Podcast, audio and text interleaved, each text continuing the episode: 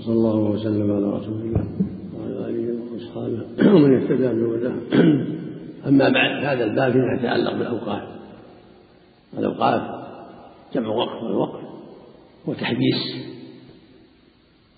الأصل وتسويل الثمرة سواء كان الأصل ارضا أو دابة أو سكنا أو غير ذلك. يسبله يعني يحبسه يبقى لا يباع ولا يوهب ولكن تنفق ثمرته في وجوه الخير. هذا يقال له وقف. سمي وقفا لأنه موقوف لا يصر فيه ولا يباع ولا يوهب.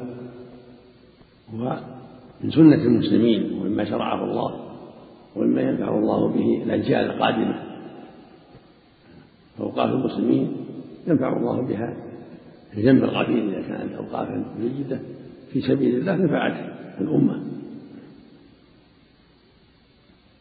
ومما ورد في ذلك حديث أبي هريرة رضي الله عنه. يقول النبي إذا مات ابن آدم انقطع عمله من ثلاث صدقة جارية. أو علم ينتفع به أو ولد صالح يدعو له الشيعة تقول صدقة جارية. يعني بعد الموت تبقى لها هذه الصدقة. يحبس أرض تؤجر تنصح جرتها في الفقراء والمساكين. يحبس نخل تصرف المرأة في الفقراء والمساكين في الجهاد في تعمير المساجد في مواساة الأقارب إلى غير هذا. وهذا معنى صدقة جارية يعني الأصل موجود والثمرة تمشي سواء الثمرة دراهم أو حبوب أو ثمار أو غير هذا مما في العقار المسبب. أو علم ينتفع به وهذا فيه فضل العلم. وأن الإنسان إذا مات وخلف كتبا أو تلاميذ قد ينتفعوا به بقي له بقي له الأجر مستمر في التلاميذ وتلاميذ التلاميذ الذين تعلموا وفي الكتب التي ألفها وفي المحاضرات والندوات التي قامها وانتفع بها الناس يبقى له أجر أو علم ينتفع به. أو ولد صالح يدعو له كذلك يلحقه دعاء أولاده كما قال تعالى والذين جاءوا من بعدهم يقولون ربنا اغفر لنا ولإخواننا والذين سبقونا بالإيمان. ولا تجعل في قلوبنا غلا للذين آمنوا. ربنا إنك رؤوف فالدعاء ينفع من الأولاد وغيرهم. لكن من الولد الصالح له مزية وخصوصية إذا دعا لوالده بسبب إحسانه إليه وذكر الصالح لأنه أقرب إلى الإجابة. الولد الصالح أقرب إلى الإجابة من الولد الفاجر نسأل الله السلامة. والحديث الثاني حديث عمر في قصة وقفه ما حصل له من خيبر. الله فتح على نبي خيبر مات في أول سنة من الهجرة قسم أموالهم بين الصحابة وصار لعمر من ذلك ما قسم ما صار وذكر عمر للنبي إنه أنفس شيء عنده المال العقار فقال إن شئت حبست أصلها وصدقت بها. لا يباع أصلها ولا يوهب ولا يورث مثل ما يجب ان تصدق بأصلها لا يباع ولا يوهب.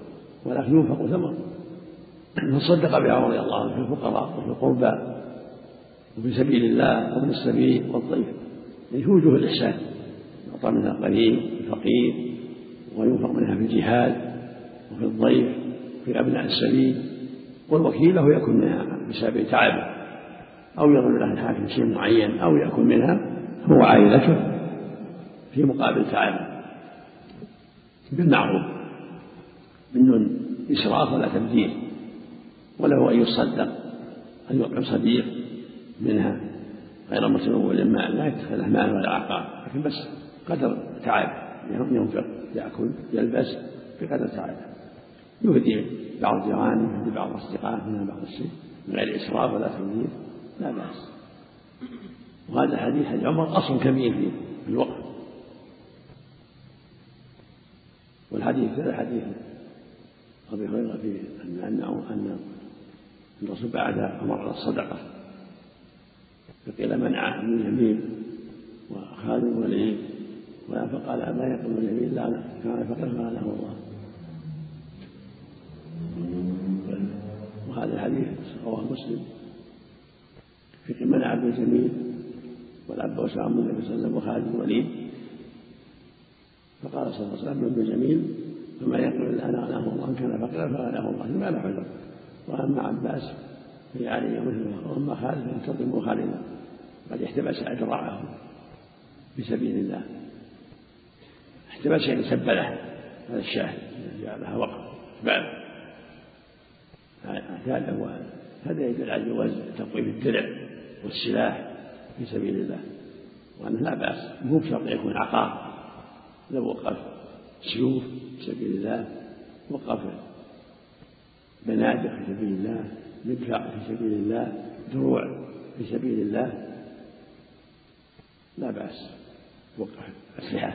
أنواع الأسلحة. سيارة في سبيل الله.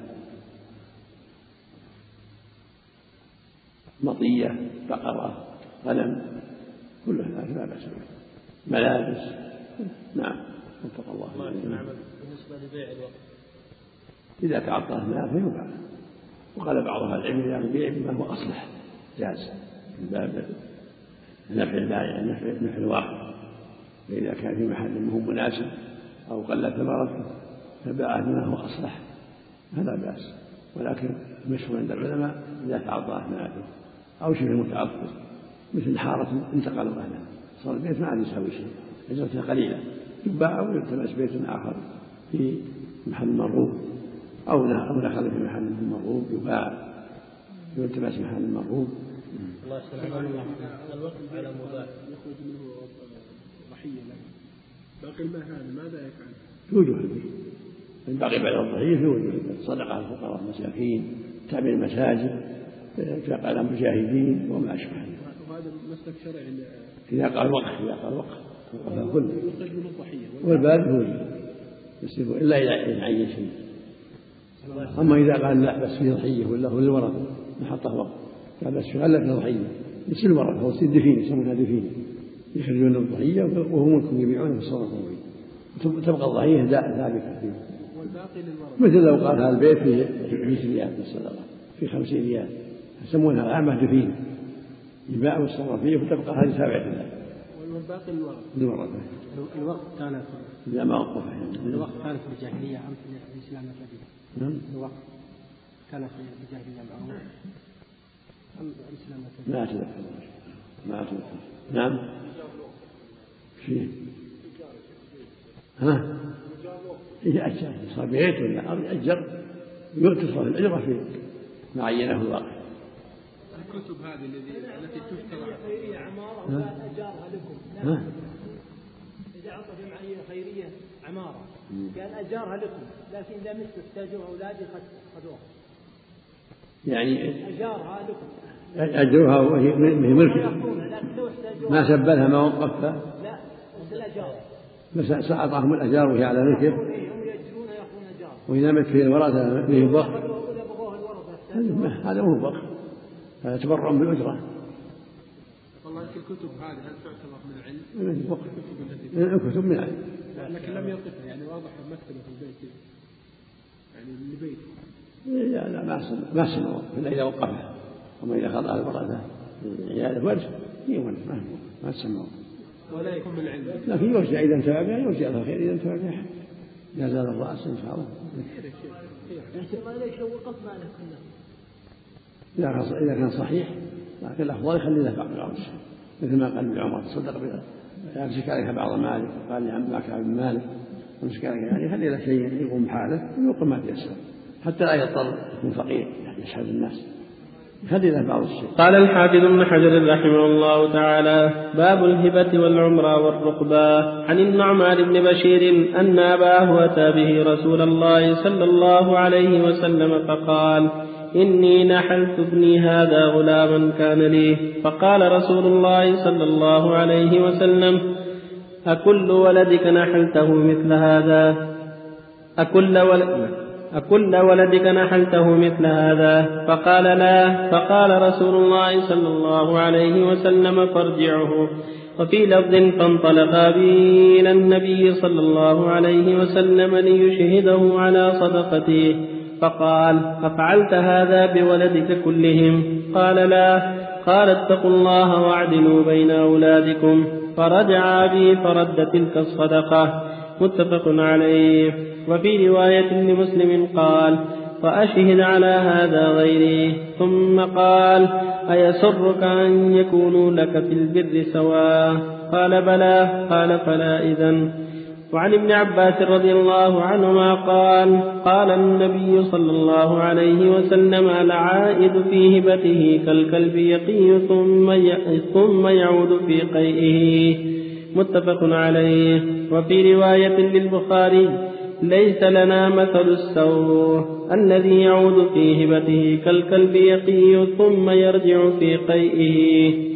وعن ابن عمر رضي الله وعن ابن عمر وابن عباس رضي الله عنهم عن النبي صلى الله عليه وسلم قال لا يحل لرجل مسلم أن يعطي العطية ثم يرجع بها ثم يرجع فيها إلا الوالد فيما يعطي ولده. رواه أحمد والأربعة وصححه الترمذي وابن حبان والحاكم. الحمد لله وصلى الله وسلم وعلى آله وأصحابه. أما بعد هذه الأحاديث تتعلق بالهبة والعطية وأنه لا يجوز للمسلم أن يخص بعض أولاده بشيء دون البقية ولا أن يعوده الهبة بعد ما يمضيها ليس له الرجوع فيها. في هذا الحديث أن بشير بن سعد الأنصاري رضي الله عنه اعطى ابنه النعمان رضي الله عنه غلاما. وجاء به النبي صلى الله عليه وسلم يشهده على ذلك. فقال له أكل ولده أعطيته مثل هذا؟ قال قال اتقوا الله وعدلوا بين أولادكم. وفي لفظ أشهد على على هذا غيري. إني لا أشهد على جور هذا يوضح لنا أن الوالد ومثله الوالدة ليس لهم أن يخصوا بعض الأولاد بعطية. لأن الله جل وعلا أوجب عليهم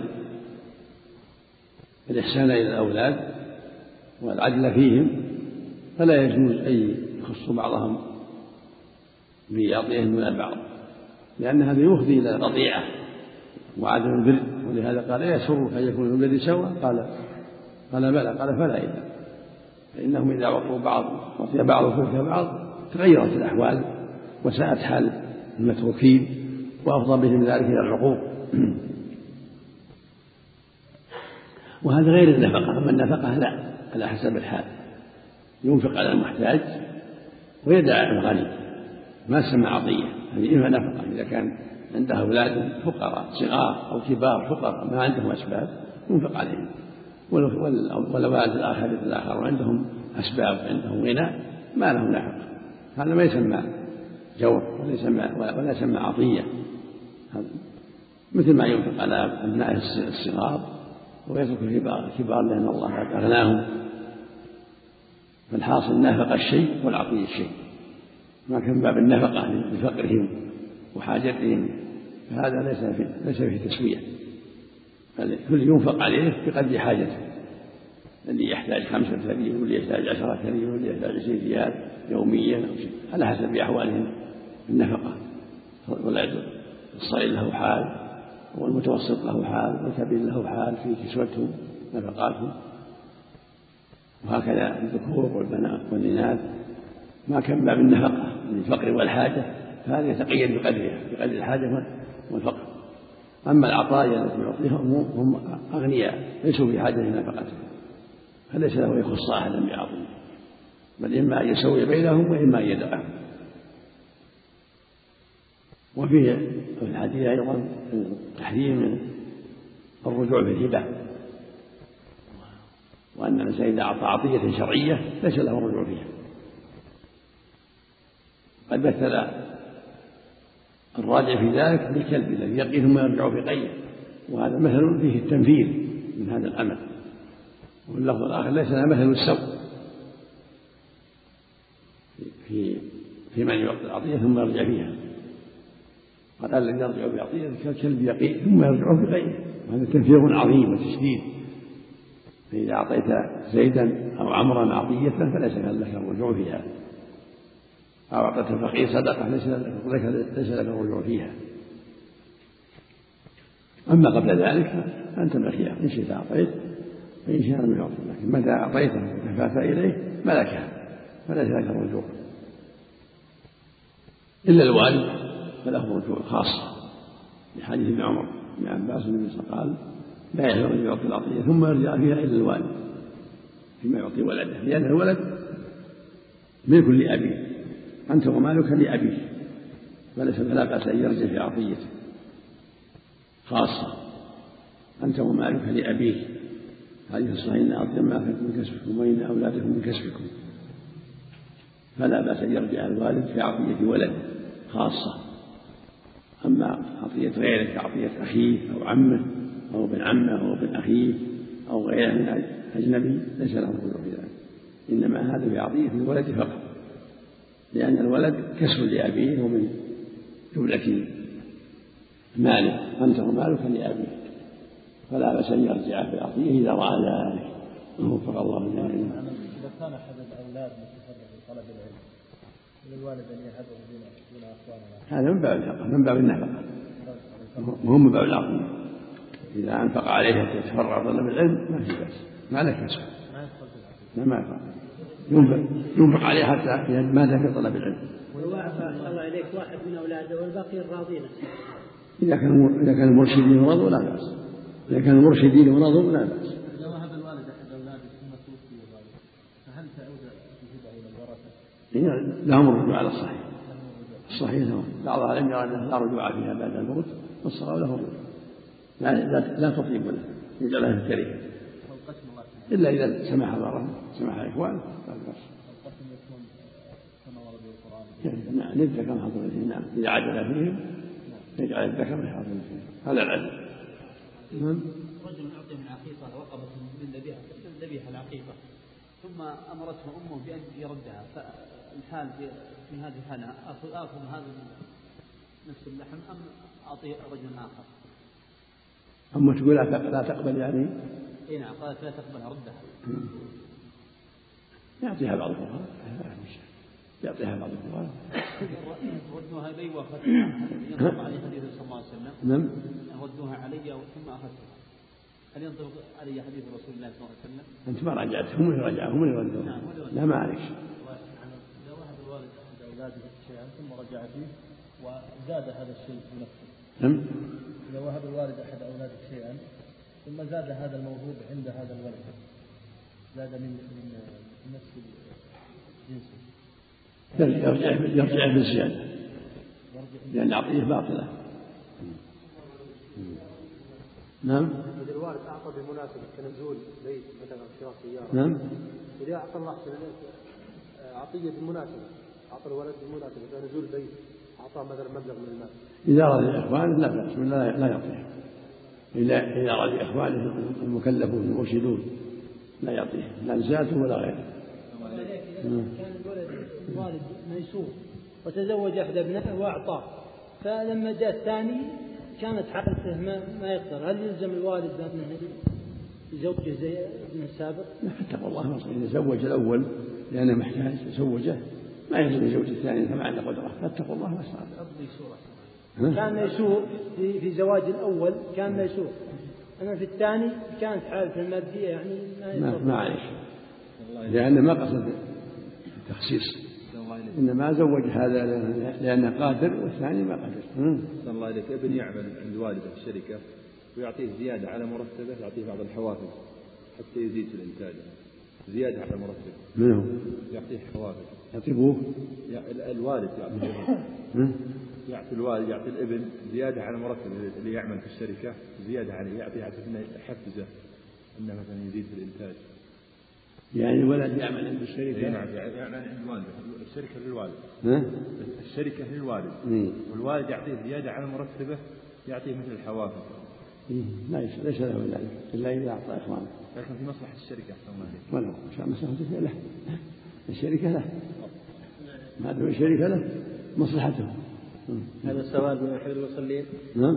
هذا السؤال قدم إلينا. نعم. يقول فضيلة الشيخ الوالد عبد العزيز بن باز حفظه الله. هل يجوز أن آخذ قرض من البنك حيث أنني في حالة ماسة جدا جدا؟ علما القرض مئة ألف ريال وحيث يأخذ البنك الفائدة مقدما حيث لا ما يجوز.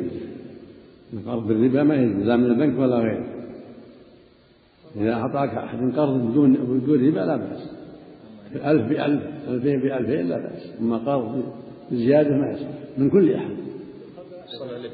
الضابط في أخذ الوالد من مال ولده ما لا يضره ما لا يضره ما لا يضر الولد ما لا يضره إذا كان الولد نفقته 100 ريال يوميا ويأخذ من الوالد شيء يضره لا. يمنع. نفقة عياله مقدمة على أبيه. نعم. نعم فيها تفصيل. إذا كان أخذ أخذها منه قد ينفع قد يجره الإسلام أو لا يضر المسلم. فلا بأس أما إن كان أخذها يضر المسلم قد يفضي إلى المغالاة والمحبة أو العشرة يتركها لا يأخذ النبي صلى الله عليه وسلم أخذ من قوم وترك من قوم. صلى الله عليه وسلم.